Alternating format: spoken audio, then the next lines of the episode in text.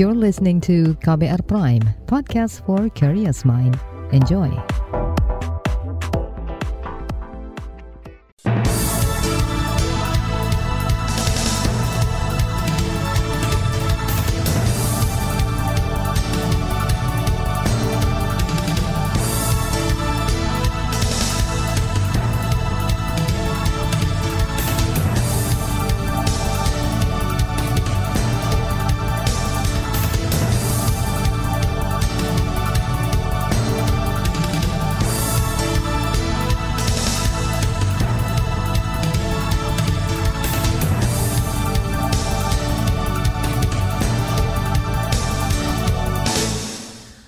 Halo saudara, selamat pagi. Senang sekali kami bisa menjumpai Anda kembali melalui program Buletin Pagi untuk edisi hari ini Jumat 13 Mei 2022 bersama saya Agus Lukman. Sejumlah informasi pilihan telah kami siapkan di antaranya. Meski hepatitis akut berpotensi mewabah, Kementerian Pendidikan tetap akan melaksanakan pembelajaran tatap muka. Kementerian Dalam Negeri dikritik karena tidak membuat aturan pengisian penjabat kepala daerah. Dewan Gereja Papua menganggap pemekaran wilayah justru memperpanjang konflik. Inilah buletin pagi selengkapnya. Terbaru di buletin pagi. Saudara, Kementerian Pendidikan dan Kebudayaan tetap akan memperlakukan pembelajaran tatap muka 100% meski saat ini ada temuan kasus penularan penyakit peradangan hati atau hepatitis akut. Direktur Jenderal Pendidikan Anak Usia Dini dan Pendidikan Dasar Menengah, Jumeri mengatakan pembelajaran tatap muka 100% akan digelar dengan memperlakukan protokol kesehatan. Namun PTM 100% hanya akan digelar di daerah yang memenuhi syarat sesuai dengan aturan surat keputusan bersama empat menteri mengenai penyelenggaraan pembelajaran di masa pandemi. Sementara itu, Saudara Kementerian Kesehatan menyatakan antisipasi penularan hepatitis akut misterius di sekolah-sekolah cukup dilakukan dengan menerapkan protokol kesehatan seperti pada masa pandemi. Juru bicara Kementerian Kesehatan Siti Nadia Tarmizi mengatakan bila disiplin protokol kesehatan dilaksanakan, maka kantin sekolah boleh dibuka demi mendukung aktivitas pembelajaran tatap muka.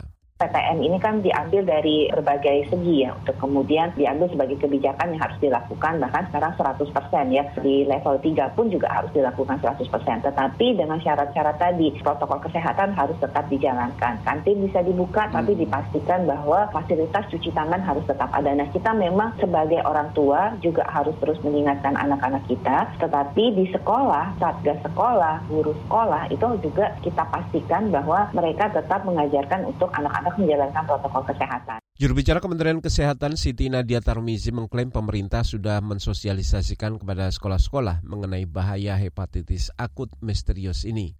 Siti mengatakan kasus demi kasus hepatitis akut misterius belum sampai pada kondisi yang mengharuskan pembelajaran tatap muka dievaluasi atau dihentikan.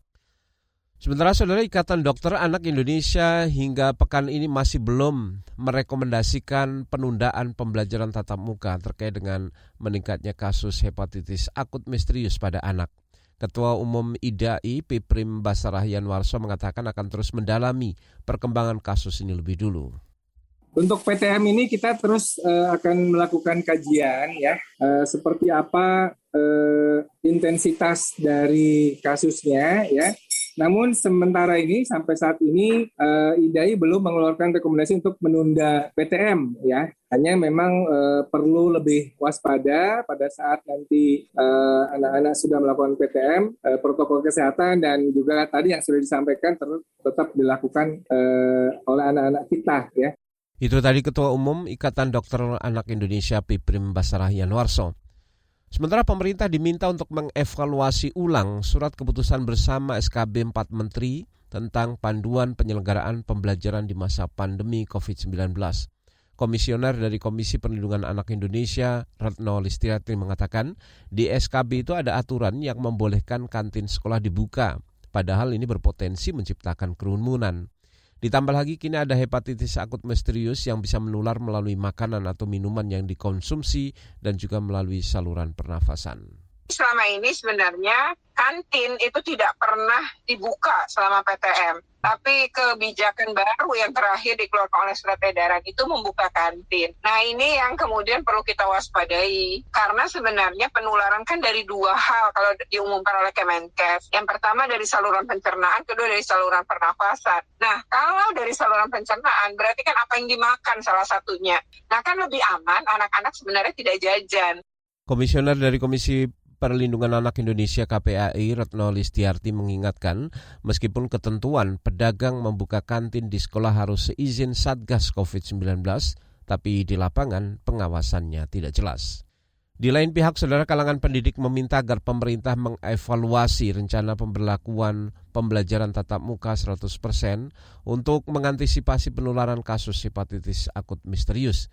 Kepala Bidang Advokasi dari Perhimpunan Pendidikan dan Guru, Iman Zanatul Hairi berharap pemerintah melakukan tes acak atas keberadaan penyakit hepatitis akut misterius dan COVID-19.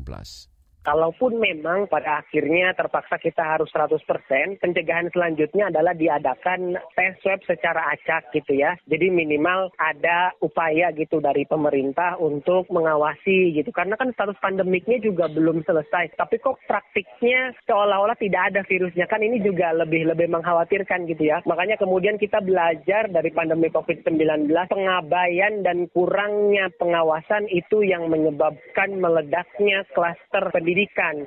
Kepala Bidang Advokasi dari Perhimpunan Pendidikan dan Guru Iman Zanatul Hairi menambahkan, bila pembelajaran tatap muka tetap dilaksanakan, maka pengawasan terhadap kedisiplinan siswa dalam menerapkan protokol kesehatan harus diperketat. Di sisi lain, saudara pemerintah Provinsi DKI Jakarta siap mengkaji ulang kegiatan pembelajaran tatap muka dengan adanya temuan kasus hepatitis akut misterius yang diduga menyebabkan tiga pasien anak meninggal. Wakil De Gubernur DKI Jakarta Ahmad Riza Patria mengatakan bukan tidak mungkin sekolah akan kembali melalui daring untuk mencegah penyakit ini menular lebih masif di lingkungan sekolah. Saudara kinerja penjabat kepala daerah harus dievaluasi ketat setiap tiga bulan. Selengkapnya kami hadirkan di Buletin Pagi KBR sesaat lagi. You're listening to KBR Pride, podcast for curious mind. Enjoy!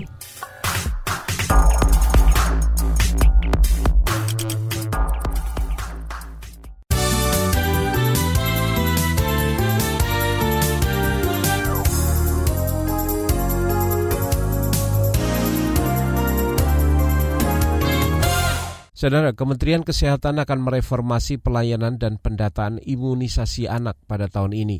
Menteri Kesehatan Budi Gunadi Sadikin mengatakan selama ini catatan imunisasi anak ditulis secara manual sehingga mudah hilang. Kondisi ini menyulitkan tim medis melihat rekam jejak kesehatan anak jika berpindah wilayah atau negara. Nah, program kedua yang kita lakukan di pilar transformasi layanan primer ini terkait dengan imunisasi adalah melakukan digitalisasi penuh dari proses imunisasi ini. Sehingga semua anak-anak yang nanti kita lakukan imunisasi akan terekam individunya dan akan memiliki sertifikat vaksinasi elektronik yang disimpan secara digital. Saudara kemarin Menteri Kesehatan Budi Gunadi Sadikin juga merilis pelaksanaan bulan imunisasi anak nasional. Menurut Budi, capaian imunisasi dasar harus kembali ditingkatkan karena sejak pandemi COVID-19 dua tahun lalu ada 1,7 juta anak Indonesia yang belum melengkapi imunisasi dasar. Komite Pemantauan Pelaksanaan Otonomi Daerah KPPOD mengingatkan Kementerian Dalam Negeri agar serius mengevaluasi para penjabat kepala daerah setiap tiga bulan sekali.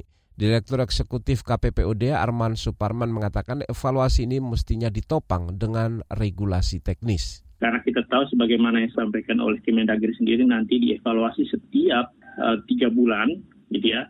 Karena itu kami mendorong kepada Kementerian Dalam Negeri untuk uh, mengeluarkan sebuah kerangka monitoring evaluasi ya semacam uh, variabel dan indikator penilaian yang itu mesti disampaikan kepada publik bila perlu dikuatkan dengan sebuah regulasi teknis ya. Direktur Eksekutif KPPOD Arman Suparman juga menyayangkan Kementerian Dalam Negeri yang tidak kunjung membuat aturan turunan penunjukan penjabat kepala daerah sesuai dengan keputusan Mahkamah Konstitusi. Namun di pihak lain Menteri Dalam Negeri Tito Karnavian mengatakan pemerintah tidak wajib membuat aturan turunan dalam pengisian jabatan penjabat kepala daerah. Keputusan Mahkamah Konstitusi menurut Tito hanya mengingatkan pemerintah agar mempertimbangkan dan bukan mewajibkan pembuatan peraturan. Kita ke informasi lain, Satgas Pangan Polri turut melakukan langkah-langkah penanganan penyakit mulut dan kuku pada hewan ternak. Juru bicara Mabes Polri Ahmad Ramadan mengatakan tim Polri juga telah dikirim ke dua wilayah yang ditemukan penyakit tersebut, yaitu Jawa Timur dan Aceh.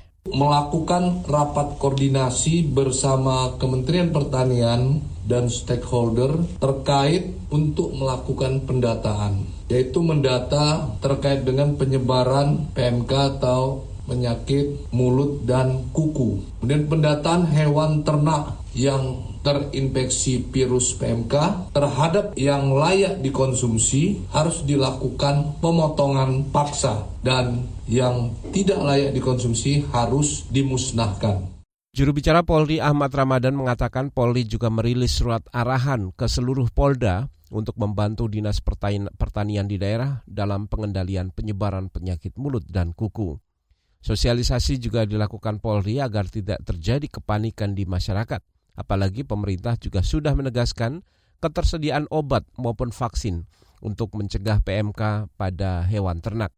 Penyakit mulut dan kuku tidak menular ke manusia.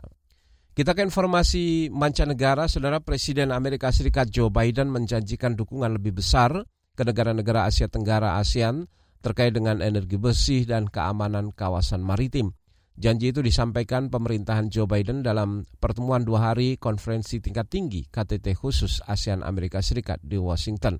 Pemerintahan Joe Biden menyatakan tetap akan memprioritaskan negara-negara Asia, meski saat ini intensitas perhatian Amerika banyak tercurah ke perlawanan terhadap invasi Rusia atas Ukraina. Kita ke informasi olahraga, saudara tim bulu tangkis Indonesia Putra lolos ke semifinal turnamen Piala Thomas 2022 Thailand setelah menundukkan Cina dengan skor 3-0. Di semifinal, Anthony Sinisuka Ginting dan kawan-kawan akan menghadapi Jepang, sedangkan tim lain India akan bertemu Denmark. Pertandingan semifinal akan digelar sore nanti. Kita ke SEA Games Vietnam, saudara, hingga malam tadi klasmen medali SEA Games me masih menempatkan tuan rumah Vietnam di puncak klasmen dengan perolehan 10 medali emas, 7 perak dan 10 perunggu. Sedangkan Malaysia berada di urutan 2 dengan 9 emas, 7 perak dan 9 perunggu. Indonesia masih berada di posisi ketiga dengan capaian 3 emas, 4 perak dan 1 perunggu. Selanjutnya, saudara kami hadirkan laporan khas KBN mengenai desakan penghentian larangan ekspor CPO. Tetaplah bersama Buletin Pagi. You're listening to KBR Pride, podcast for curious mind. Enjoy!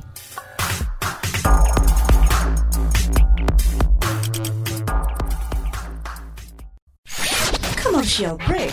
Commercial break.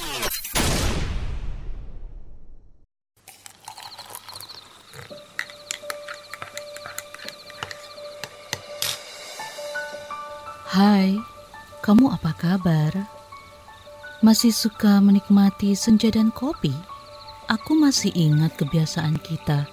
Sehabis pulang kerja, selalu mencari tempat untuk sekedar ngobrol dan ngopi. Tapi kadang kita kehabisan bahan obrolan. Aku masih melakukan hal yang sama sampai sekarang tanpa harus takut habis bahan buat ngobrol. Karena aku selalu mendengarkan KBR sore dari Senin sampai Jumat jam 4 sore. Ah, aku rindu. KBR Inspiratif Terpercaya.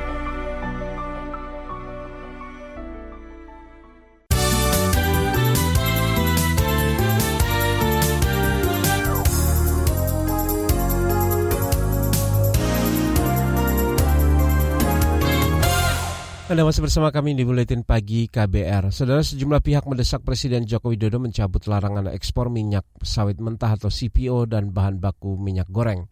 Desakan itu dengan alasan kebijakan yang diterapkan sejak akhir April lalu tidak berdampak signifikan terhadap harga minyak goreng di dalam negeri, bahkan merugikan para petani. Selengkapnya simak laporan khas KBR disusun Mutia Kusuma. Harga minyak goreng curah di dalam negeri masih tinggi, meski pemerintah sudah melarang ekspor CPO dan bahan baku minyak goreng atau migor. Ikatan Pedagang Pasar Indonesia (IKAPI) menyebut harga migor curah masih belum sesuai harga eceran tertinggi yang telah ditetapkan, yakni Rp14.000 per liter. Ketua Bidang Infokom DPP IKAPI, Muhammad Ainun Najib. Masuk fase ketiga pasca Idul Fitri ya ini, ya, pasca Idul Fitri ini pantauan kami meskipun tak KSP bilang udah kemarin udah mulai ada penurunan buktinya ini masih untuk curahnya sendiri masih 19 sampai 20 hingga saat ini ya. Belum ada penurunan menurut, menurut pantauan kami sih. Stok itu belum belum bisa diserap ke pasar-pasar. Belum bisa artinya bisa belum bisa membanjiri pasar lah Muhammad Ainun Najib mengatakan tingginya harga migor curah di pasaran disebabkan kendala pasokan distribusi dari hulu ke hilir. Akibat distribusi yang mandek itu, migor curah di pasaran relatif terbatas. Itu sebab menurutnya larangan ekspor CPO itu tidak efektif menurunkan harga minyak goreng curah. Larangan ekspor CPO juga memukul kelompok petani sawit rakyat, sebab harga tandan buah segar atau TBS menurun drastis. Serikat Petani Kelapa Sawit atau SPKS Kalimantan Timur memperkirakan kerugian yang mereka derita mencapai jutaan rupiah per ton. Koordinator Bidang Advokasi SPKS Kaltim, Kanisius Tereng, mendesak Jokowi menghapus segera larangan ekspor tersebut. Jadi pengeluhan kami sebaiknya itu ditunda atau tidak perlu ada pelarangan kemudian eh, harga TBS kami ini kan sudah jatuh akibat eh, apa keinginan pemerintah untuk mau melarang ekspor. Nah, harga pupuk sekarang juga naik. Jadi kalau pasca pasca itu berlakunya larangan itu tentu mungkin lebih lebih parah lagi itu harga TBS ini dan karena itu pasti ada kaitan dengan harga jual beli TBS dan uh, ekspor CPO. Selain kelompok petani, para buruh sawit juga khawatir pelarangan ekspor itu akan dijadikan dalih perusahaan untuk mengurangi atau tak memenuhi hak-hak buruh. Itu karena biaya operasional perusahaan diperkirakan bakal membengkak jika kebijakan ini masih diteruskan. Koalisi Buruh Sawit Zidan turut mendesak pemerintah menyetop larangan ekspor. Dampak lain yang diperkirakan bakal muncul ialah upaya penyelundupan migor ke luar negeri. Kekhawatiran ini beralasan, sebab belum lama ini Polda Jawa Timur menetapkan dua tersangka eksportir migor berinisial E dan R. Kapolda Jawa Timur Niko Avianta mengatakan sejumlah barang bukti telah disita, antara lain dokumen, faktur pembelian, surat jalan, dan lima kontainer migor yang akan dikirim ke Timur Leste. Para pelaku ini sudah mengetahui bahwa pemerintah telah melarang ekspor minyak dan turunannya antara minyak goreng curah maupun minyak goreng yang sudah kemasan. Sehingga ada dugaan para pelaku dengan sengaja patut diduga melakukan kegiatan ekspor barang yang dilarang. Kapolda Jawa Timur Niko Avianta menambahkan, Kapolri Listio Sigit Prabowo telah memerintahkan menindak tegas pelaku ekspor migor ilegal. Karena itu, ia meminta masyarakat tidak menyelundupkan migor ke luar negeri. Rentetan kerugian yang disebabkan kebijakan larangan ekspor CPO itu sudah diprediksi sejak awal oleh para pengamat ekonomi.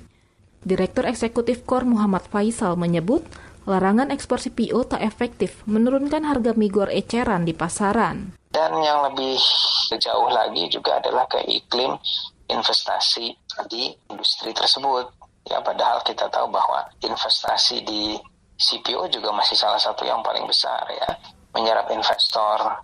Jadi artinya tidak efektif ya, sangat tidak efektif. Jadi harus segera dicabut karena artinya uh, masalah yang ingin dipecahkan tidak terpecahkan, tapi alih-alih memecahkan masalah tersebut malah menimbulkan permasalahan-permasalahan yang lain. Direktur Eksekutif KOR Muhammad Faisal menambahkan, Penyebab utama masalah harga dan stok migor di tanah air adalah distribusi yang tak merata, serta pengawasan dan penegakan hukum terhadap para mafia migor. Karena itu ia mendorong pemerintah membenahi kedua hal tersebut ketimbang melarang ekspor CPO dan bahan baku minyak goreng. Demikian laporan khas KBR yang disusun dan dibacakan Mutia Kusuma Wardani. Laporan dari daerah akan kami hadirkan sesaat lagi, tetaplah di Buletin Pagi KBR. You're listening to KBR Pride, podcast for curious mind. Enjoy!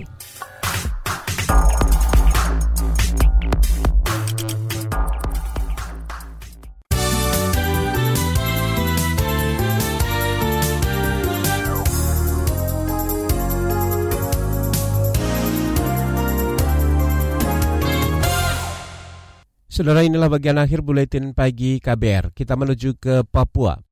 Kalangan gereja di Papua mengkritik pemerintahan Joko Widodo yang dianggap tutup mata dalam penyelesaian konflik di Papua. Tokoh Dewan Gereja Papua, Beni Giai, mengatakan ada empat akar konflik di Papua, yaitu kegagalan pembangunan, marginalisasi dan diskriminasi orang asli Papua, kekerasan negara, dan tuduhan pelanggaran HAM. Saat ini menurut Beni, perpanjangan otonomi khusus dan rencana pemekaran Papua dikhawatirkan justru akan menambah panjang akar konflik. Menurut kami eh, dari dari Dewan Gereja Papua itu barangkali ini cara terbaik untuk menyelesaikan masalah Papua dengan kembali ke sejumlah uh, agenda yang mengangkat akar, akar, akar, akar atau sumber-sumber konflik itu dan menyelesaikan masalah Papua. Bukan memperpanjang otonomi khusus secara sepihak, bukan juga memekarkan provinsi kalau tidak ini hanya memperpanjang konflik Papua saja. Tokoh dari Dewan Gereja Papua Beni Giai juga menyesalkan tindakan kekerasan dan pengerahan personel aparat yang berlebihan dalam menangani aksi demonstrasi menolak pemekaran wilayah Papua. Sebelumnya, saudara DPR berencana memekarkan provinsi di Papua. Rancangan Undang-Undang Daerah Otonomi Baru di Papua ditargetkan selesai sebelum Juni nanti. Rencana ini menulai aksi penolakan termasuk aksi yang dibubarkan paksa oleh kepolisian di Jayapura dan penangkapan sejumlah pengunjuk rasa. Kita ke Jawa Barat, saudara aksi peringatan Hari Buruh Sedunia digelar di Bandung, Jawa Barat, di mana ribuan orang dari Federasi Serikat Pekerja berunjuk rasa di depan kantor gubernur. Mereka menuntut pemerintah memberikan sanksi kepada pengusaha yang melanggar aturan baik upah minimum, THR, dan hak pekerja lainnya. Koordinator aksi Roy Jinto Ferianto menuding masih banyak pengusaha yang melanggar Undang-Undang Ketenaga Kerjaan dalam membayarkan hak pekerja. Jadi dari posko pengaduan 731 di dua hari terakhir mau hari raya. Padahal undang-undangnya satu minggu sebelum hari raya itu sudah harus clear. Nah ini dua hari sebelum hari raya, Disnaker merilis ada 731 pengaduan buruh yang tidak menerima THR. Berarti kan kalau kita kalkulasikan bisa jadi hampir eh, 700 sekian perusahaan kan yang mengadukan itu. Ketua Umum Federasi Serikat Pekerja Tekstil, Sandang, dan Kulit dari SPSI, Roy Jinto Firianto juga menyebut tuntutan lain yaitu pembatalan keputusan Gubernur Jawa Barat mengenai upah minimum kabupaten kota 2022 serta menolak Undang-Undang Cipta Kerja. Kita ke Sulawesi Selatan, Saudara Aliansi Jurnalis Independen Aji Makassar mengkritik gugatan perdata M. Akbar Amir terhadap enam media massa di Makassar, Sulawesi Selatan. Enam media itu adalah Hantara News, Terkini News, Celebes News, Makassar Today, Kabar Makassar, dan RRI. Ketua Umum Aji Makassar Nurdin Amir mengatakan surat gugatan tercatat di Pengadilan Negeri Makassar dan sudah melalui perjalanan sidang beberapa kali sejak Januari lalu termasuk proses mediasi yang buntu. Gugatan tersebut uh, sudah sejak awal sudah salah saat masuk ke pengadilan karena diselesaikan seharusnya kan diselesaikan di Dewan Pers. Nah, menurut Aji seharusnya sengketa produk uh, jurnalistik diselesaikan melalui mekanisme undang-undang pers bukan dibawa ke ranah hukum. Nah, dalam undang-undang pers ditegaskan bahwa publik yang tak puas atas berita media silakan menggunakan hak jawab. Nah, kalau itu dianggap belum memadai bisa mengadukan ke Dewan Pers. Saudara gugatan itu bermula dari pemberitaan pada Maret 2016 lalu yang menyebut di mana media menyebutkan Akbar Amir sebagai bukan keturunan Raja Talo Padahal pemberitaan itu diperoleh dari konferensi pers dengan narasumber dua keturunan langsung dari Raja Talo. Saudara informasi tadi menutup jumpa kita di Buletin Pagi KBR hari ini. Saya Agus Lukman dan tim yang bertugas kami undur diri. Salam.